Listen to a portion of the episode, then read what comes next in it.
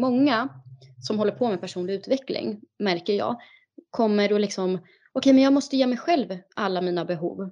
Mm. Att de, de, har liksom, de, har, de har tagit det så långt mm. att de tror att de själva ska ge sig själva allt. Ja. Och det, det, det kommer inte gå för vi är flockdjur. Vi behöver ja. varandra. Vissa behov behöver vi få tillgodosett av någon annan. Hej och välkomna till podden Våra relationer och avsnitt 8. Och idag har vi en spännande gäst med oss i podden som är en gammal klasskamrat till oss och eh, heter Caroline Foyer. Caroline är eh, samtalsterapeut och samtalscoach med psykosyntes som bakgrund, precis som vi. Och eh, vad ska vi prata om idag, Björn? Vi ska prata om våra inre barn och eh, vad kan vi göra för dem och hur påverkar de oss i vårt liv idag?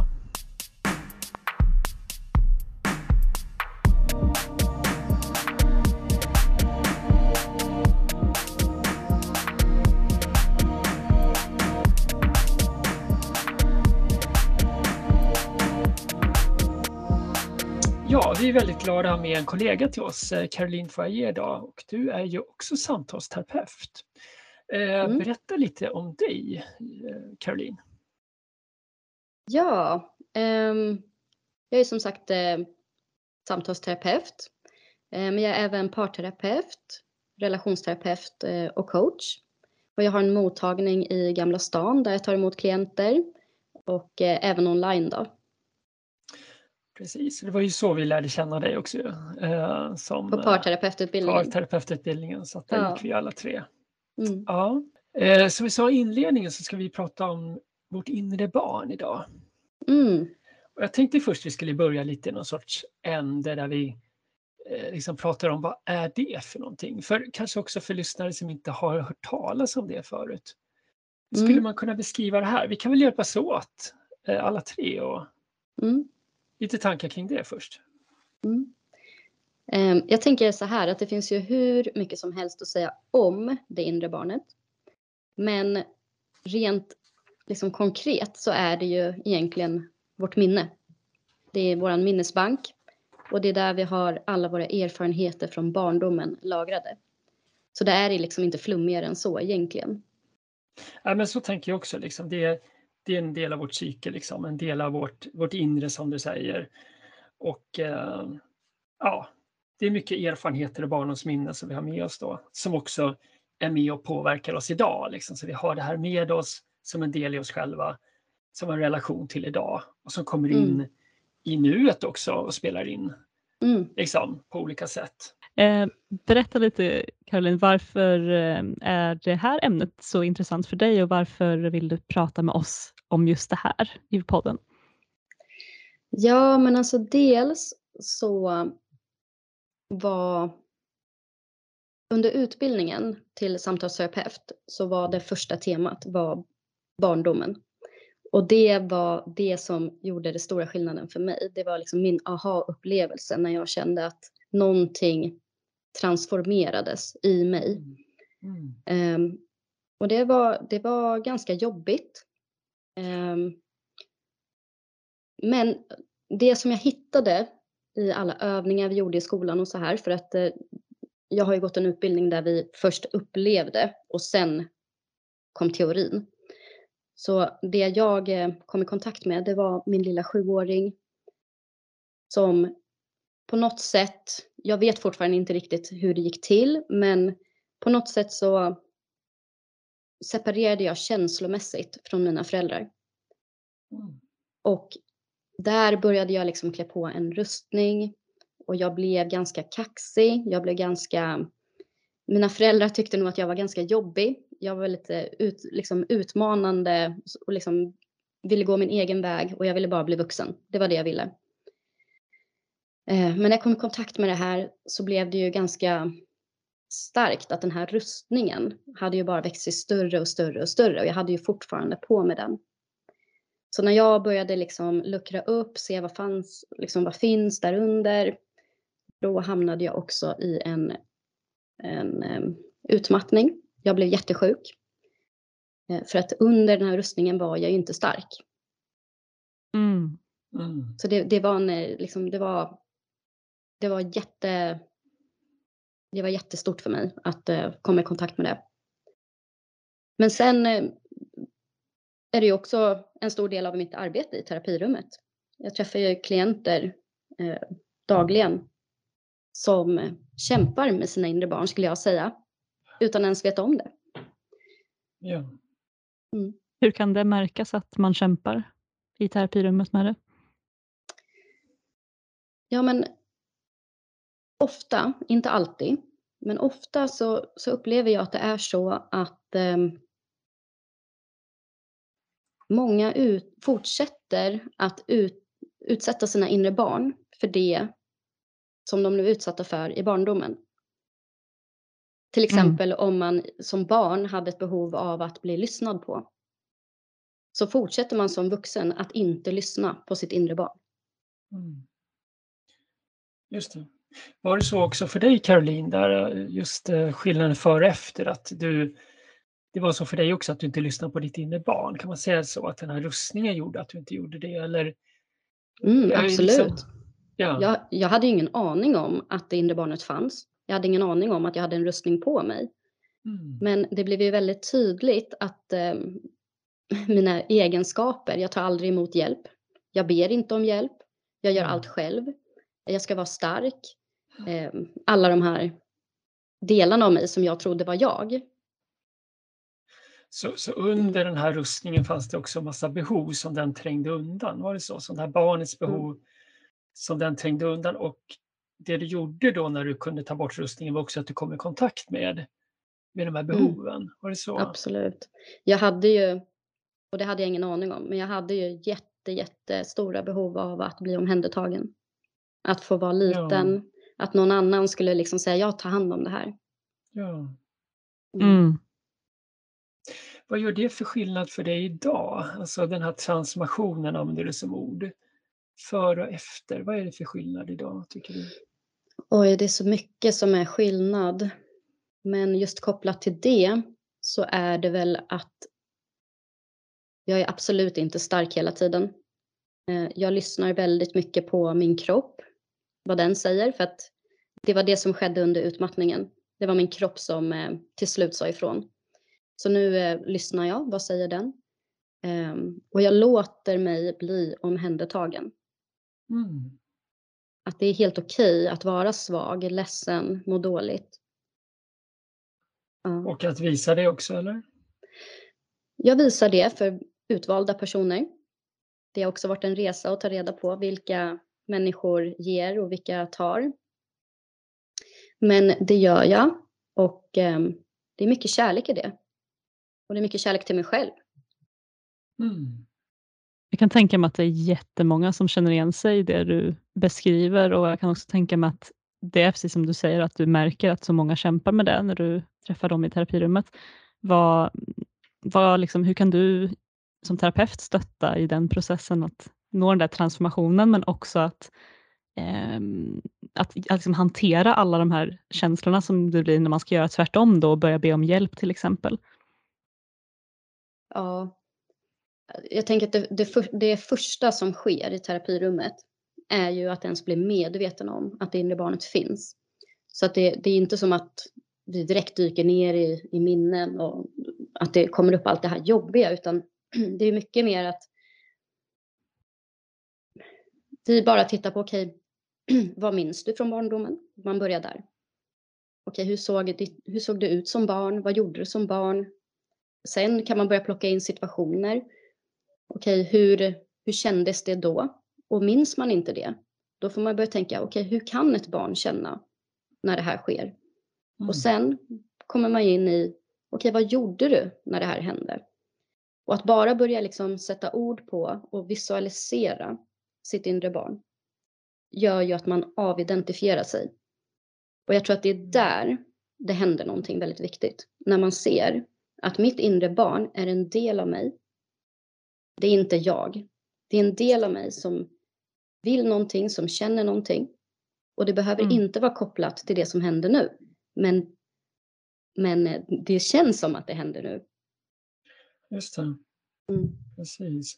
Och, och nyckeln just att använda ordet avidentifiera, det är väl lite där som du säger att kunna dra isär det för att också kunna se att jag är kanske inte heller, jag måste inte vara påverkad av det här.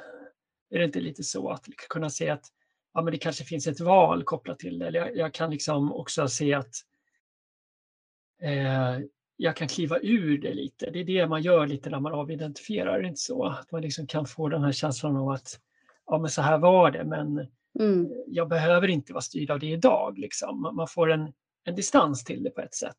Är, är det det du gör där? Tänker du? Ja, alltså absolut. Det handlar ju om att kunna kliva ur och se att man har ett val. Ja, Men det handlar ju också om att se, okej, vad, vad vill den här delen av mig? Den, den har ett behov. Behöver den bli lyssnad på? Okej, kan jag lyssna på den här delen av mig? Just det. Så att använda viljan på ett kärleksfullt sätt till den här delen. Ja. Och sen i Mm. nästa steg också kunna ge då barnet det som den behöver då, eller är det, är det, det också ett steg i det sen? Eller? Absolut, det är den läkande Mm. delen. Ja, Mm. just det. Märker du att det är ehm, eller märker du att det finns liksom delar av den här resan som är mer utmanande för många? Ehm, om du hänger med på vad jag menar, alltså om det är Mm. att bli medveten eller om det är att börja eh, transformera det till så här, kärleksfull vilja Mm. som du pratar om? Jag ska säga så här att eh, alla kommer med sina egna ingångar, resor och vart de är i sin personliga utveckling. Så det, det finns inte ett svar på det. Men jag tänker att det finns lite olika förhållningssätt till sitt inre barn. En del känner sig nästan identifierade med sitt inre barn. Att ehm, det är ingen skillnad på mig och mitt inre barn. Mm. Och sen finns det vissa som ser att det finns ett inre barn. Men de tycker, de har så mycket empati för sitt inre barn att de kan inte, de kan inte sluta älta vad som har hänt. Det gör för ont att vara i kontakt med det som har hänt. Mm.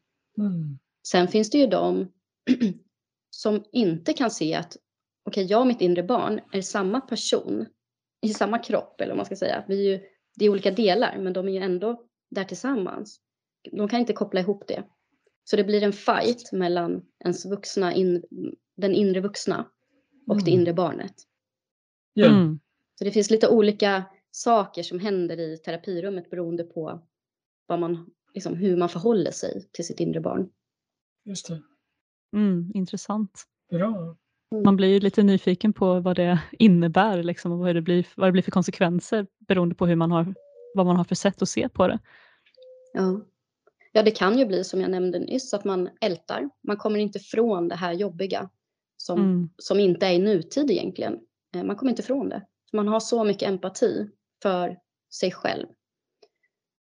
Sen kan det ju vara den andra sidan att man, man, har, man har inte den där empatin. Man, man kan inte liksom känna att Gud, stackars mig, att det har hänt mig. Man kan inte känna det alls. Då, då, då, har man ju, då, då ser man ju inte att den här delen är en del av en. Och då blir det svårt att älska hela sig själv. Mm. Hur kan du som terapeut eh, hjälpa en person som ältar det här? Hur eh, jobbar du där? Ja, det finns ju lite olika vägar att gå såklart beroende på vad det är man ältar och vad det är som har hänt och hur nu, nuet ser ut och sådär. Men jag tänker att ältande generellt är ju vi, vi har ju tre olika strategier att hantera våra jobbiga känslor på. Antingen så kapitulerar vi. Eller så undviker vi. Eller så överkompenserar vi. Och ältandet, det är ju att kapitulera. Då, då hamnar man i att nej men det här som jag antar är sant fortsätter att vara sant. Om jag inte duger, då fortsätter jag intala mig att jag inte duger. Och så kan man fortsätta älta det också.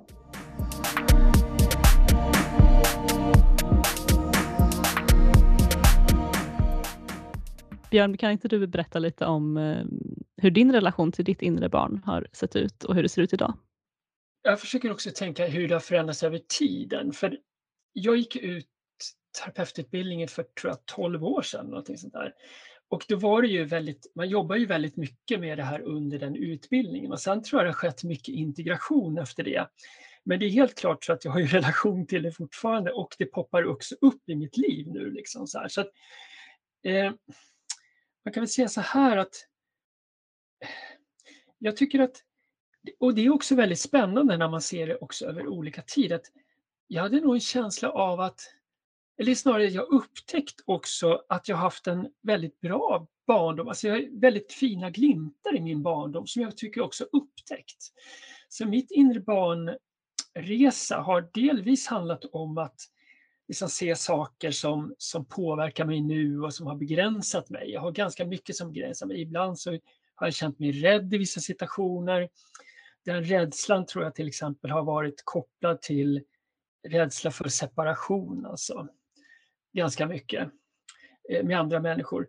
Och det har gjort att också att jag vill liksom jag undviker ibland att bli ut, jag vill inte bli utsatt för kritik. Om det är någon som till exempel på jobbet eller någonting som skriver så här, lite sådär, kan vi höras, det här är inte bra eller någonting. Då kan jag känna lite motstånd mot att höra av mig, förstår ni? Det tror jag är det här mm. inre barnet som inte liksom vill bli utsatt för kritik och det handlar nog framförallt om det här med relationsdelen i det. Så jag är lite så här, jag vill gärna vara omtyckt också. Så det är någonting som det inre barnet fortfarande vill, tror jag, som jag har. Men jag tror att jag mer och mer kan separera utifrån det som du berättade också, Karo, liksom det här att man liksom har det inre barn. Om vi tänker en bild här, liksom, jag vuxen människa här, liksom, har ett inre barn. Som jag, för mig är det i magen. För det är där jag känner också, det är där jag har mest kontakt med mitt inre barn. Och när det är någonting som händer, där barnet väcks, då får jag då får jag ont i magen. Det är där som är min, liksom, visar att här är någonting som händer. Och då blir jag ofta rädd där då och då är magen som visar. Men eh, idag så tycker jag då att det som finns kvar, liksom just det här med innebarnet, det är mycket det här behovet av att få socialt omtyckt och så, det känner jag. Eh, men också är jag ganska otålig ibland, det märks det. Det här inre barnet blir otåligt. Eh, vill komma framåt, tycker inte om när vi babblar för mycket i vissa sammanhang. Utan liksom är målfokuserad, nu ska det hända något. Det tror jag är mitt inre barn där som, som blir på något sätt otålig och tycker det är tråkigt. Liksom sådär. Så att, eh, men det som jag tycker att jag utvecklat också över tid, då, det är att jag har just kommit i kontakt också med liksom den här glada, spontana killen. Och jag kan se den framför mig, det här lilla barnet som sitter i sandlådan på landet och leker. Och leker väldigt mycket själv, men också med andra, men tycker det är väldigt kul och väldigt glad hela tiden. Och där liksom tycker jag att jag kan hitta mer och mer kraft nu i mig själv idag. Det här glada barnet, spontana barnet som är lite busigt och, men också närvarande. Jag tänker barn är ju så otroligt närvarande och det tycker jag att jag eh, kan komma i kontakt mer och mer med eh, lite som en bild, liksom, att man har det här inre barnet i sig själv så eh, tror jag liksom att jag mer och mer kan liksom hålla det i handen. Det sitter bredvid och jag vuxen håller det i handen, det sitter bredvid och kan just vara lite det där glada och lite spontana. Eh, när det är som bäst, liksom, när jag känner att jag har det där. Sen så halkar jag in i det här hela tiden, att jag blir rädd, jag känner i magen, jag känner en oro, utsätta mig för nya saker, nya situationer då blir det lilla barnet rädd igen och det är rädd för eh, någonstans separation eller att inte vara omtyckt tror jag. Så det är väl det tror jag mest. Eh, och det visar sig eh, inte så jättemycket nära relationer idag tycker jag, men det har gjort det. Och det är nog framförallt det här rädslan för att uh, inte bli omtyckt tror jag. Och rädslan för att bli övergiven. Det är nog det som har visat sig mest i nära relationer. Och det är då det har liksom poppat upp. Mm. Tror jag. Mm. Uh, Matilda, när, när du hör oss prata om uh, våra inre barn, vad ja. växer dig då i relation till ditt inre barn?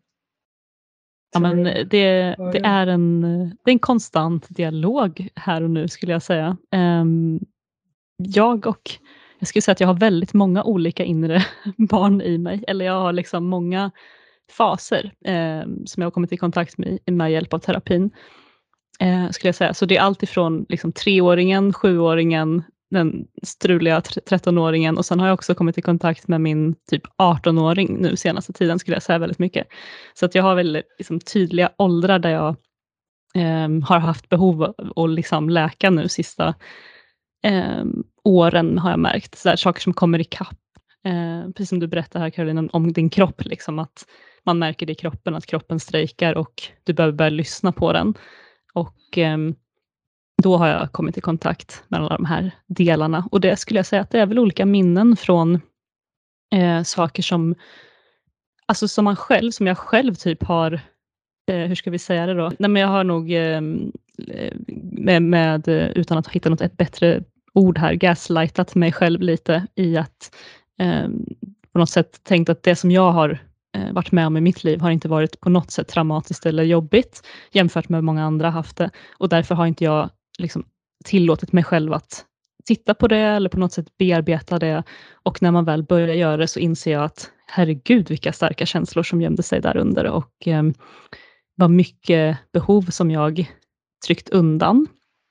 Eh, jag skulle säga att eh, det har varit en jättespännande resa men också en väldigt spännande relation som har byggts upp till en själv när man börjar titta på de här olika eh, faserna i livet och faserna av känslor, för det är olika känslor i alla de här faserna. Eh, allt ifrån djupaste rädsla till djupaste skam och eh, djupaste typ, vad ska man säga, bitterhet kanske, någon sån här eh, ja, nästan lite för, så här förakt liksom, mot vuxenvärlden har jag märkt. Så att jag har ehm, eh, jag har också tänkt att när jag, när jag har pratat med min terapeut och sagt att nej men, när man gick på gymnasiet så var man ju vuxen, då var man ju inte ett barn. Och då sa hon att, så fint till mig att fast det är precis då du behöver vuxna som mest, när du själv ska träda in i den här vuxenvärlden, då är du ju som allra skörast. Liksom. Det är då du behöver eh, vuxna runt dig som visar hur du ska vara vuxen. Och det är nog där jag har eh, verkligen liksom fastnat lite i, eh, i min utveckling tror jag. Så att jag har behövt hålla mig själv jättemycket kring den här gymnasie, gymnasie-Matilda som eh, ja, men det kan man liksom se på bilder från den tiden, att jag hade så behövt kanske någon som, eh, som såg en lite mer där och då. Eh, och det, det kan jag liksom hålla, och då är jag så himla glad att jag kan hålla det idag och hålla mig själv i handen. Och jag har jag också insett att jag har ju valt väldigt mycket, tagit väldigt mycket beslut i mitt liv utifrån mina inre barn. Ehm, så till exempel att jobba i skolvärlden, absolut hade jag säkert velat ha en skolkurator eh, som som såg mig och liksom gått in i hur hade jag velat att eh, en skolkurator var om jag hade någon runt mig. Och, alltså att, och de besluten måste jag också vara ganska noga med idag, att välja då att jag inte väljer utifrån mina sår, utan att jag försöker välja utifrån mina, liksom, de här, den här som du pratar om, den här glada, spralliga personen, mm. den, den glada, det glada barnet mera. Att jag försöker då utgå från eh, det läkta barnet mer, eh, när jag väljer mina både relationer och yrkesval idag. Um, så det tror jag att jag har börjat liksom skifta nu, att istället för att gå in i mörkret i det här med skam och, och skuld och um, sorg i relationer uh, och, så har jag, och yrket, så har jag nog mer valt utifrån glädje och inspiration idag. Och det är den stora mm. skillnaden uh, när, jag blev, när, jag, när jag blev medveten om det. så. Härligt. Uh, fint det låter. Det så bra beskrivet tycker jag. Och sen just att du tar upp det här lite äldre barnet, om man får säga så. Eh, som du säger, lätt att glömma bort. Liksom. Mm. Eh, gymnasium känns det som du säger att, ja men barn då. Ja, men, ja, men man tänker ju så. Alltså, det är klart ja. att ens tre alltså, små barn när man är liten, det är också svårare att komma i kontakt kan jag känna att när man är väldigt liten så minns man ju ingenting rent liksom, i huvudet så, utan det sitter ju bara i kroppen. Och, och där är ju klart det djupa, så där jobbar jag ju nu senast när jag gick i, i ja, parterapi med eh, en, eh, en vän eh, för att bli godkänd här i kursen så, så kom jag i kontakt med det här djupaste såret som då ändå är, som jag vet, är liksom från de tidiga åldrarna. Och det är så, omed, det är så omedvetet, man är så, det triggas så, det är så diffust så att det, det sitter så djupt. Och det tror jag, det, det formas ju när man är så där väldigt liten. Så att det, mm. det som vi kallar för core wound, eller hur? Eller vad säger man på svenska? Det är så mycket engelska ord. ja, ni fattar, de djupaste såren, de är Just svårast det. att nå. Kärnan jag. liksom där. Mm. Kärnsåret. Ja, något sånt. Ja, just det. Mm. Men det är bra att du lyfter det att eh, vi har inte ett inre barn. Utan vi har ju massa inre barn. Eftersom att det är Mm. våra minnen så är det ju alla våra erfarenheter. Så att det är ju det är bara lättare att säga ditt inre barn. Men det är ju det är Mm. vå- våra inre barn allihop. Mm. Mm. Eh, Och något annat som eh, slår mig Mm. när du berättar din historia. Det är ju det här med hur man ser på trauman. Att det är ett ganska laddat ord som många tänker på att man har varit i krig eller att man blir sexuellt Mm. utnyttjad eller någonting riktigt eh, hemskt. Men ett trauma egentligen är ju att man inte har blivit mött i sitt behov. Och det händer alla. Men själva traumat uppstår ju när det inte blir omhändertaget efteråt. Eh, det är därför eh, ja, någon som kan ha varit i krig kan, må, kan faktiskt må bättre än någon som kanske inte blev lyssnad på av sina föräldrar. Beroende Ja. på vad det skapade för sår och hur det blev mött efteråt. Just det. Ja. Mm. Ja, men det är jätteviktigt det du säger. Jag tänker också att det visar ju också möjligheten med terapi och liksom att jobba med sig själv efteråt också. Som du säger att det går ju också att hantera, läka trauma liksom genom att bearbeta det också senare.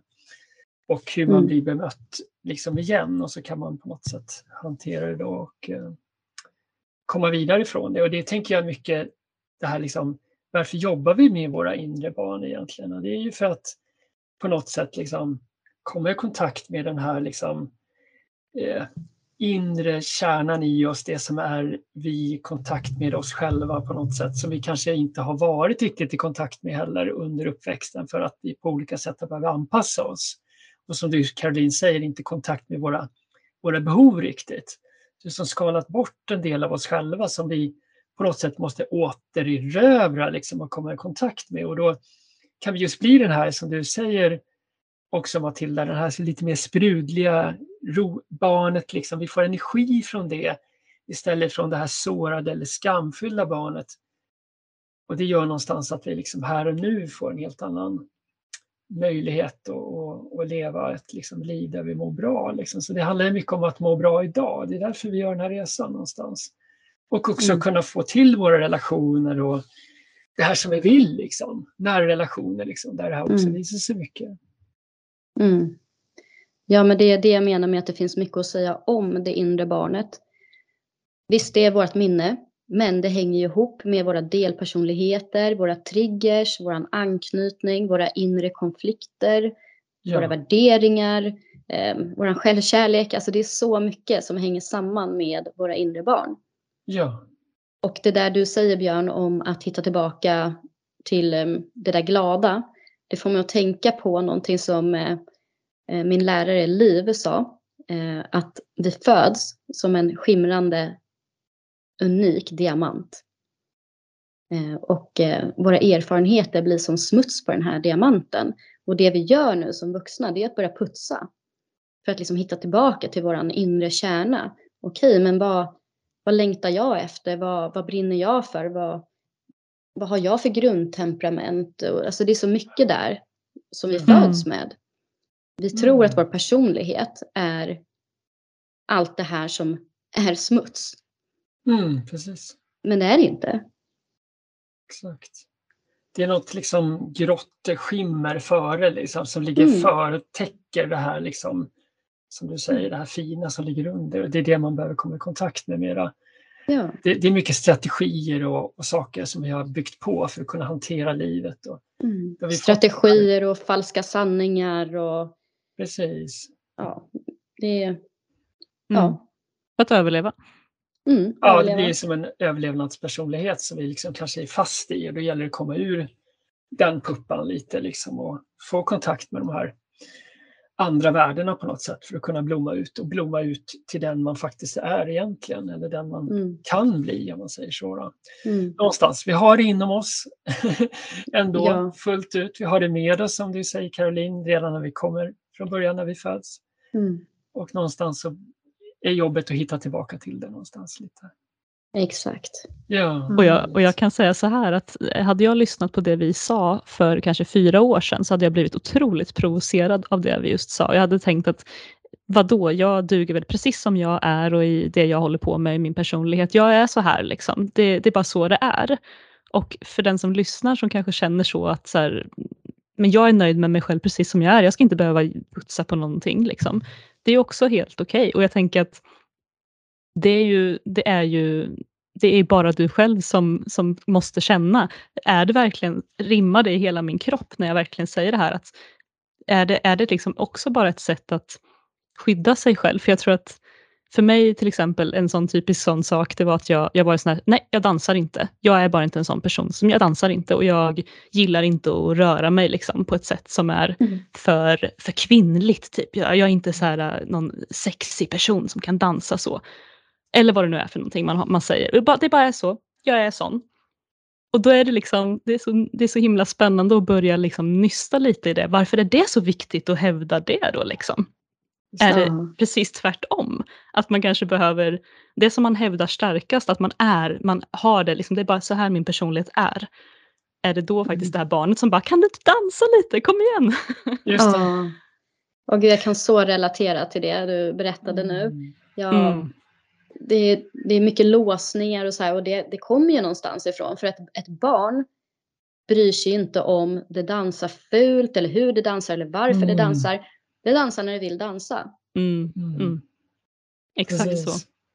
Ja, och någonstans så lärde man sig att eh, du behöver dansa på ett visst sätt för att vara accepterad eller du behöver prestera när du dansar eller det finns blickar som tittar när du dansar så att ja, man lär sig liksom.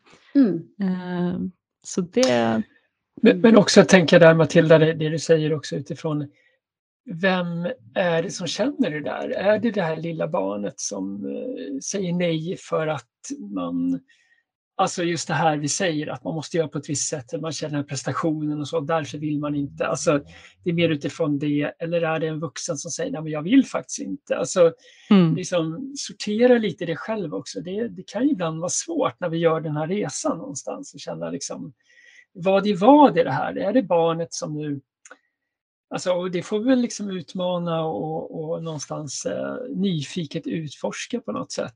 Liksom. Vad är det som... Ja. Jag, jag, tycker det är bra det du säger att jag menar, det finns ingen...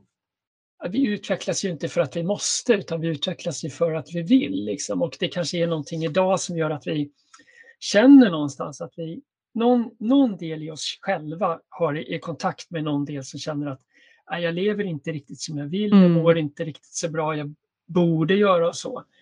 Där mm. kanske det finns en kraft, en, liksom, någon nyfikenhet att börja nysta i. Vad, vad är det här för någonting?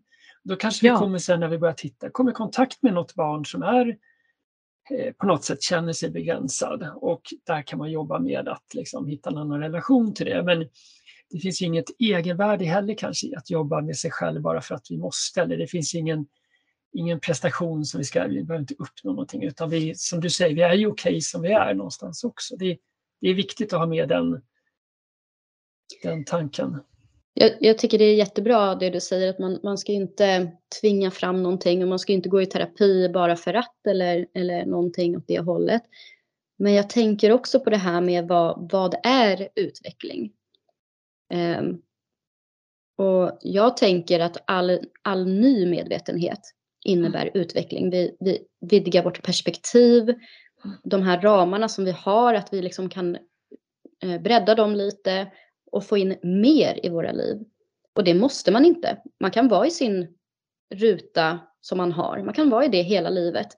Men det är, människans, det är ju faktiskt ett, liksom, ett av våra grund, behov som människor är ju att utforska spänning. Mm. Annars hade vi aldrig kommit så här långt i mänskligheten. Då hade vi varit kvar på savannen. Så mm. det är ju en mm. drivkraft vi har. Att uh, känna dopamin och utforska och, och liksom bli mer. Um, och jag tänker också liksom att jag tror att, jag skulle faktiskt säga att det är omöjligt att älska sig själv på djupet om man inte vill ta in allt det man är.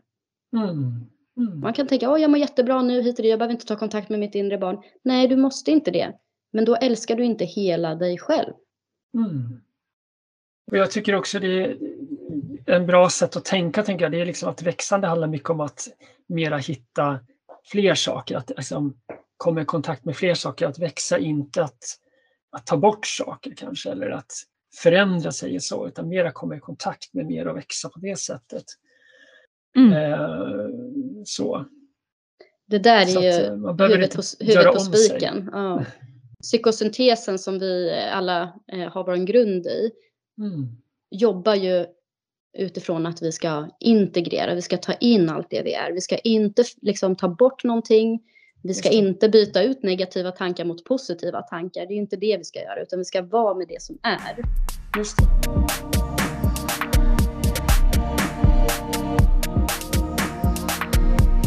Jag tänker att det här med vårt inre barn, det är någonting som också är närvarande hos oss som vuxna. Och jag tänker att beroende på vilket förhållande vi har till det och hur mycket vi tar ansvar för vårt inre barn så påverkar det oss i våra relationer. Och jag tänker när, när vårt inre barn är verksamt så kan det få många uttryck. Liksom. Just det här med till exempel svartsjuka kan komma in. Det kan komma in eh, att vi till exempel en sån här som jag gillar som en, en eh, favorit är ju att eh, barnet är ju lite så här, vill ju gärna att föräldern ska läsa våra tankar och gissa våra behov. Och det är någonting vi lägger över på, på vår partner också. Jag vet inte om ni känner igen det, men det tycker jag är liksom en klassiker. Och liksom också det här att vi ibland spelar ut liksom saker i, i relationen. Eh, där liksom det inre barnet eh, har olika behov. Då. Och det handlar, tänker jag, i grunden om att vi inte eh, som egna individer den vuxna delen i oss tar hand om vårt inre barn. Liksom.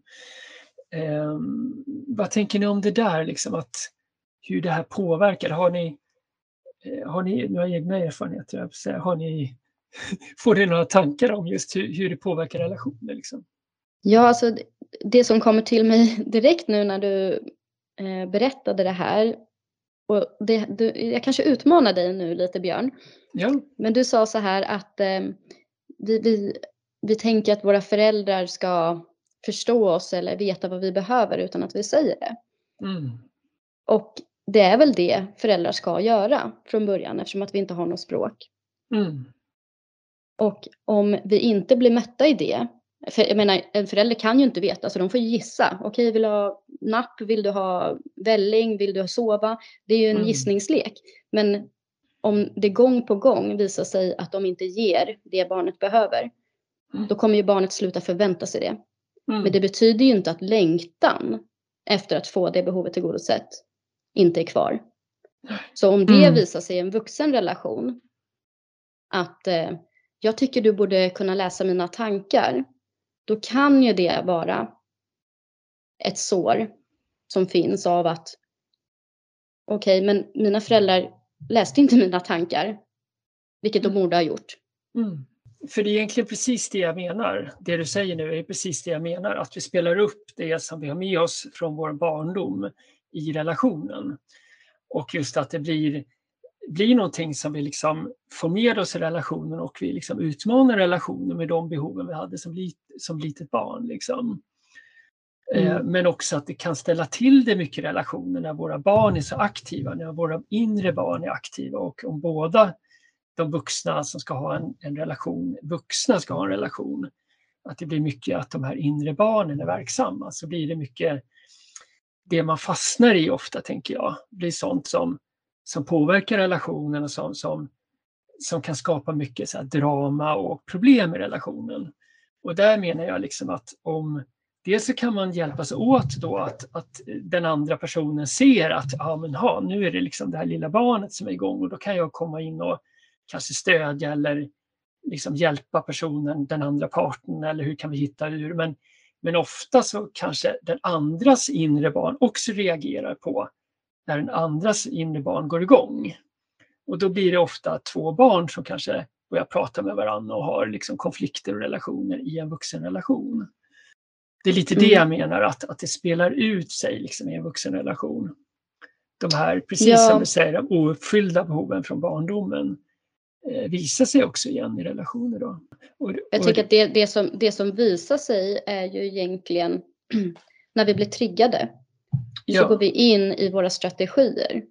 Mm. Eh, att om eh, din strategi, Björn, är att eh, undvika en konflikt till exempel, ja. då är det det du kommer göra i din relation. Mm. Absolut. Det var det du lärde dig var mest gynnsamt när du växte upp. Precis. Precis. Och då menar jag för att få en hållbar relation till andra vuxna, till min kärlekspartner som vuxen, så behöver jag göra ett jobb med mitt inre barn för att liksom vara medveten om den här strategin och också som vuxen, vuxna delen i mig själv kunna ge mitt egna inre barn det den behöver för att inte att det här ska triggas igång hela tiden. Som kan också bli en negativ spiral i en relation. Det är lite det jag är ute efter, att, att liksom förstå som vuxen hur de inre barnen är verksamma i relationen och hur det spelas ut. Jag tänker att jag det som händer i relationerna är ju det här med att man blir triggad. Ja. Alltså det är ju det, det är ju barnet som blir triggat. Mm. Men för att komma runt det eller sådär så krävs det att man stannar upp och så här, okej okay, vad är det jag hade behövt nu för att inte känna det jag känner? Mm. Och sen behöver man be om det. Alltså, ja. Så tänker jag. Mm. Men jag tänker Caroline att du kan både få det av din partner och be det av din partner, men du kan också få det av din egen vuxna del.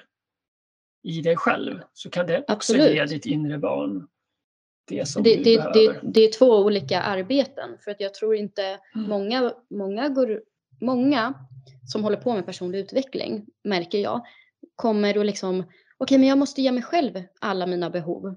Mm. Att de, de, har liksom, de, har, de har tagit det så långt Mm. att de tror att de själva ska ge sig själva allt. Ja. Och det, det, det kommer inte gå för vi är flockdjur. Vi behöver varandra. Vissa behov behöver vi få tillgodosett av någon annan.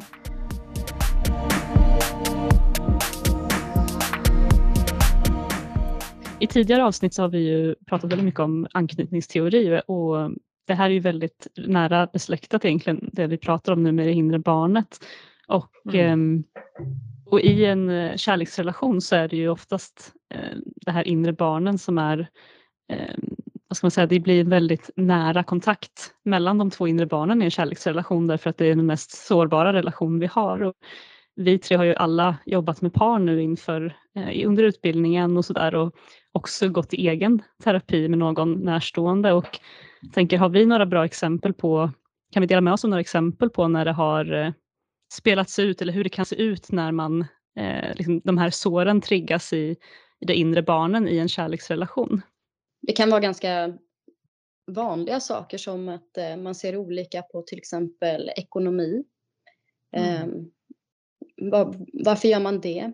Det kan ju vara för att den ena har växt upp i en familj där en förälder har varit ständigt frånvarande för att behöva jobba. Och då kanske man värdesätter kvalitetstid lite mer. Ja. Och den andra parten kanske kommer från en, en eh, familj där man har behövt jobba väldigt hårt för att eh, klara sig. Mm. Ehm, och då kanske man tycker att det är superviktigt. Och då krockar man lite i de två. Man kan säga att det är värderingar, men det är också inre barn som har fått lära sig någonstans att eh, det här är viktigt. Mm. Mm. Ja. Om vi tänker att, eh, om vi säger liksom att vi möts i en medveten relation, då, som vi också pratat om en del, att så här, hur vi kan mötas i medvetenhet. Eh, hur skulle vi då, liksom, hur, hur kan man jobba med de här eh, inre barnen i en kärleksrelation om man, om man båda har blivit medvetna om de här, liksom hur, hur skulle man kunna mötas eh, som vuxna i det? Jag tänker ett sätt är ju att, ja, oavsett exempel, men att man synliggör det, liksom, att man eh, är transparenta där och berättar om eh, vad man har med sig för någonting. Att det här är någonting som jag har med mig som erfarenhet och det påverkar mig så här i relationer. Ehm, och jag, vi har ju pratat dating här tidigare också, i tidigare podd och eh, just det här, det jag testar lite nu när jag dejtat också, det är ju att ganska tidigt eh, prata om liksom, vad man har med sig i relationer och sådär och så, att man liksom har det på något sätt hela tiden i dialog i relationen. Vad är det som påverkar och, och, och sådär, och hur, vad har man med sig för någonting?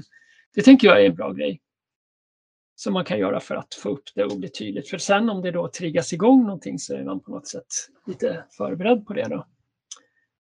Ja, jag tänker att det, har man, kan man ha medkänsla för varandra och empati, då blir det väldigt avväpnande och Mm. man kanske inte fastnar i sin trigger på samma sätt om man kan eh, ha empati för den andra personen. Just det. Men man också har empati för sig själv, att man ser att okej, det, det här är anledningen till att det här är viktigt för mig. Mm. Det. och också titta på, är det fortfarande relevant? Liksom, är det min värdering eller är det någonting jag bara har med mig? Ja. Jag tänker någonstans att empatin också möter ju något sorts behov som ligger bakom det som kommer. Liksom, så att man möter upp bakom på något sätt eh, Mm. eh, närmare den personen och då får man just det där. Man möts mera i kontakt. Man, man, man skapar kontakt tänker jag också. Närvaro och Exakt. kontakt någonstans. Och, För jag Ja. tänker att man kan ju prata om en sakfråga som ekonomi, men Ja. behoven bakom är ju lite olika där. Om den ena parten saknade sin ena förälder, då är ju behovet eh, liksom närhet och kontakt.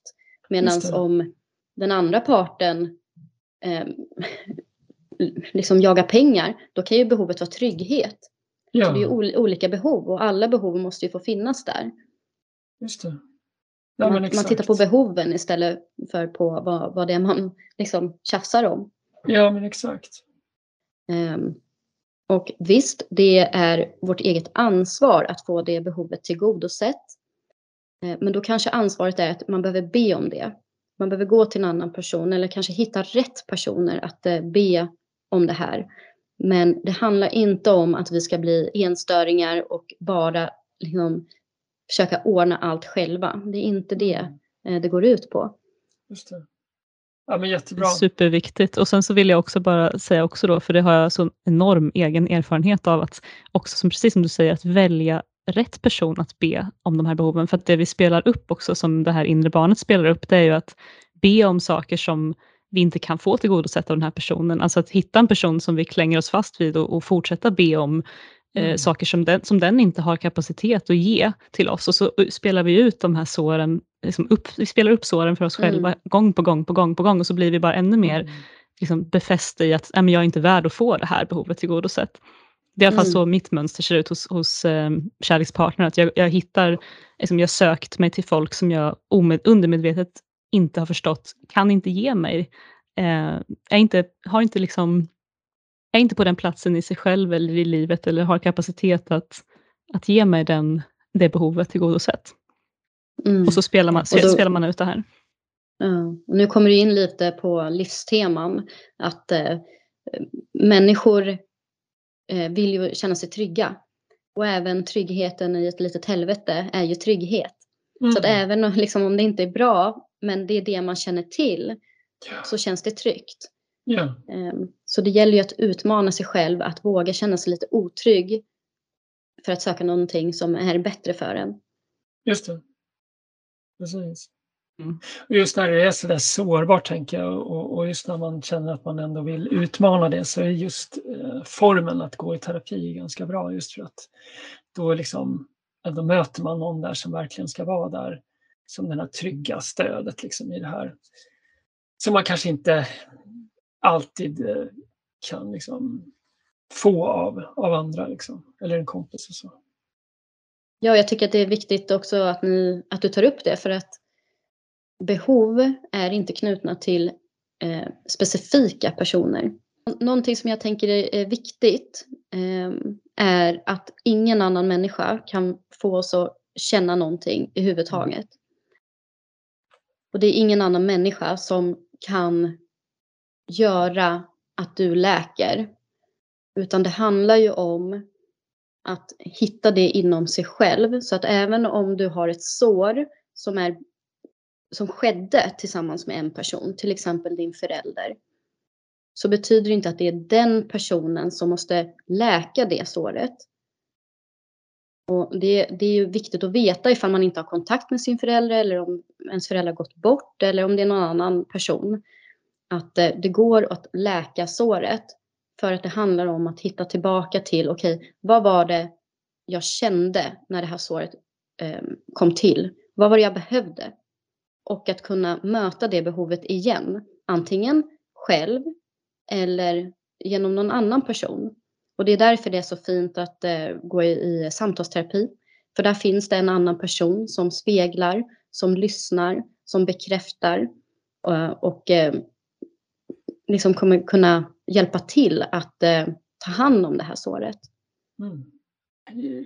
Jag vet Karo, du, du, ehm, du har ju lite workshops också kring inre barnet och så. Jag funderar på om man skulle vilja jobba lite med sitt inre barn, hur gör man det? Och har du något tips på övningar då kan du kanske här och nu bara liksom berätta lite om någon övning så som man skulle kunna göra. Ja, men det stämmer. Jag och min kollega Annie, vi har haft eh, en workshop hittills, men vi kommer ha fler efter sommaren eh, som vi kallar ditt, eh, um, Lär känna ditt inre barn. Eh, och det är en jättefin dag där vi träffas en grupp och eh, landar i oss själva. Eh, och vi gör lite övningar för att bli medvetna om vårt inre barn. Vi, kommer in, vi dyker liksom inte ner i någonting traumatiskt, någonting sådär. Jag ser ju det här som bara, åh, du, så himla mysigt och fluffigt och så här. Men jag har ju märkt att reaktionen när jag berättar om det här för människor är att de bara, åh gud så läskigt och nej det vågar jag inte och så här. Eh, att det finns någonting väldigt skrämmande kring det inre barnet. Och det, det är tråkigt och det är någonting jag verkligen vill skicka med till alla att, eh, att eh, försöka se det som någonting kärleksfullt istället. Att det är någonting man gör för mm. sig själv. Att liksom se hela sig själv. Att älska hela sig själv. Sen kan man ju gå i egen terapi. Om man inte vill vara i grupp så kan man ju gå till en terapeut och liksom lära känna sitt inre barn där. Ja, och vill man komma i kontakt med sitt inre barn själv hemma så kan man ju helt enkelt bara sluta ögonen, visualisera sig själv som barn, kanske gå tillbaka till några minnen eller ta fram några fotografier, titta på sig själv, hur såg jag ut att må? Vilka fanns där? Hur var det för mig? Ehm, alltså det handlar bara om att ta kontakt med, med de här minnena för att göra barnet levande igen.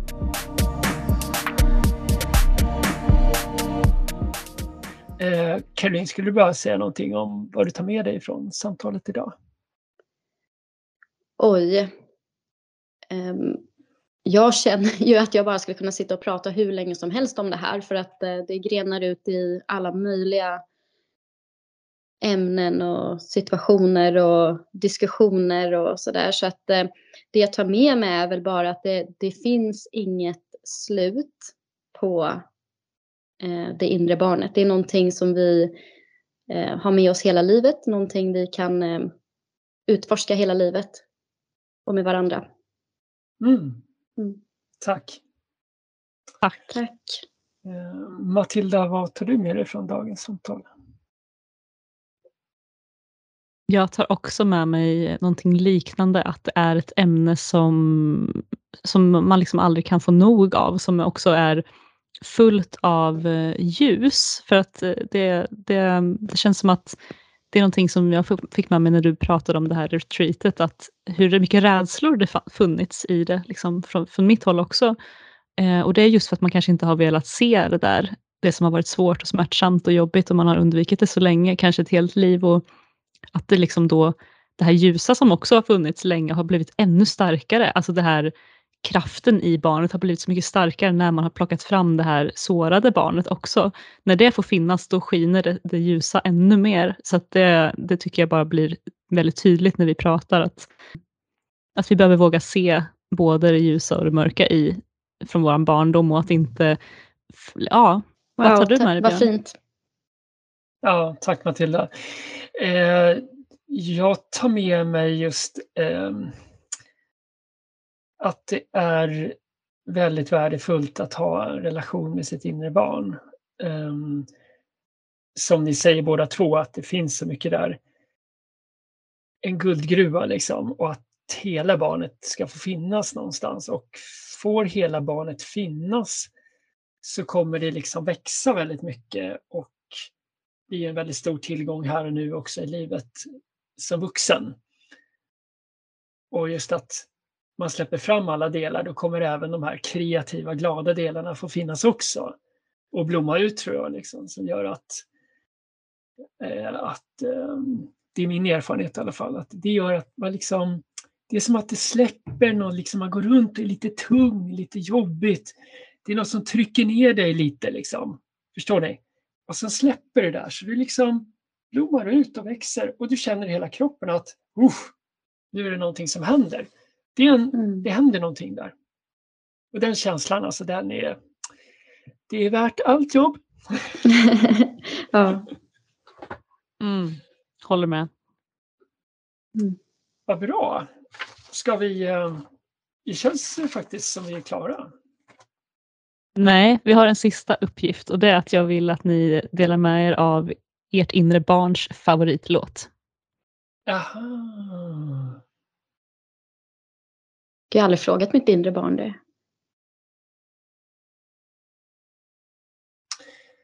Eh, jag tar det som först kom i huvudet. Eh, du ska inte tro det blir sommar om inte någon sätter fart. Mm. Alltså, jag hamnar ju i tonåren och eh, E-Type. Det, det var liksom mycket glädje kring E-Type. Mm. Mm. Härligt, härligt.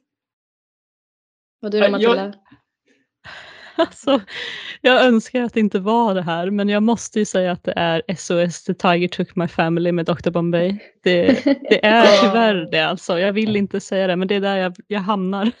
Ja. ja. Jag låter det komma. Det är lite skämskudden, men jag får låta det vara. Mm. Caroline, du har ju en väldigt innehållsrik och inspirerande Instagram eh, om man vill lära sig mer om det inre barnet och eh, annat. Var hittar man dig om man vill veta mer? Ja, tack. Ehm, jo, jag heter syntes.samtal eh, på Instagram och även min hemsida. Så där kan ni hitta mer om mig och eh, även eh, retreatet om man är sugen på att testa det. Men tack. Stort tack Caroline, vi håller kontakten. Det gör vi. Som sagt, kul att ha dig med.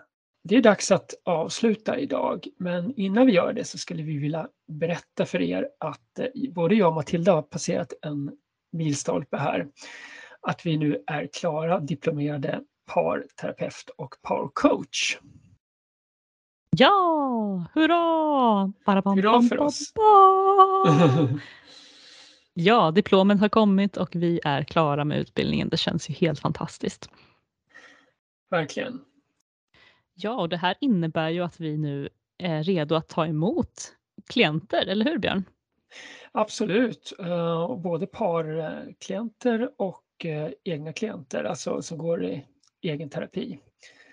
Och eh, vi har också planer på att eh, köra ihop så att eh, skulle ni vilja ha en längre workshop tillsammans med oss så är det också möjligt i framtiden. Ja, vi hoppas att kunna börja samarbeta på många olika sätt här i framtiden. Eh, ja, så mm. med det vill vi också avsluta säsongen nu då och eh, börjar på en ny säsong sen efter semestrarna. Så välkommen tillbaka som lyssnare då. Vi tackar så jättemycket för att ni har lyssnat den här säsongen och vi hoppas att ni hänger med oss igen efter sommaren. Ja, på återhörande. Hej då! Hej då!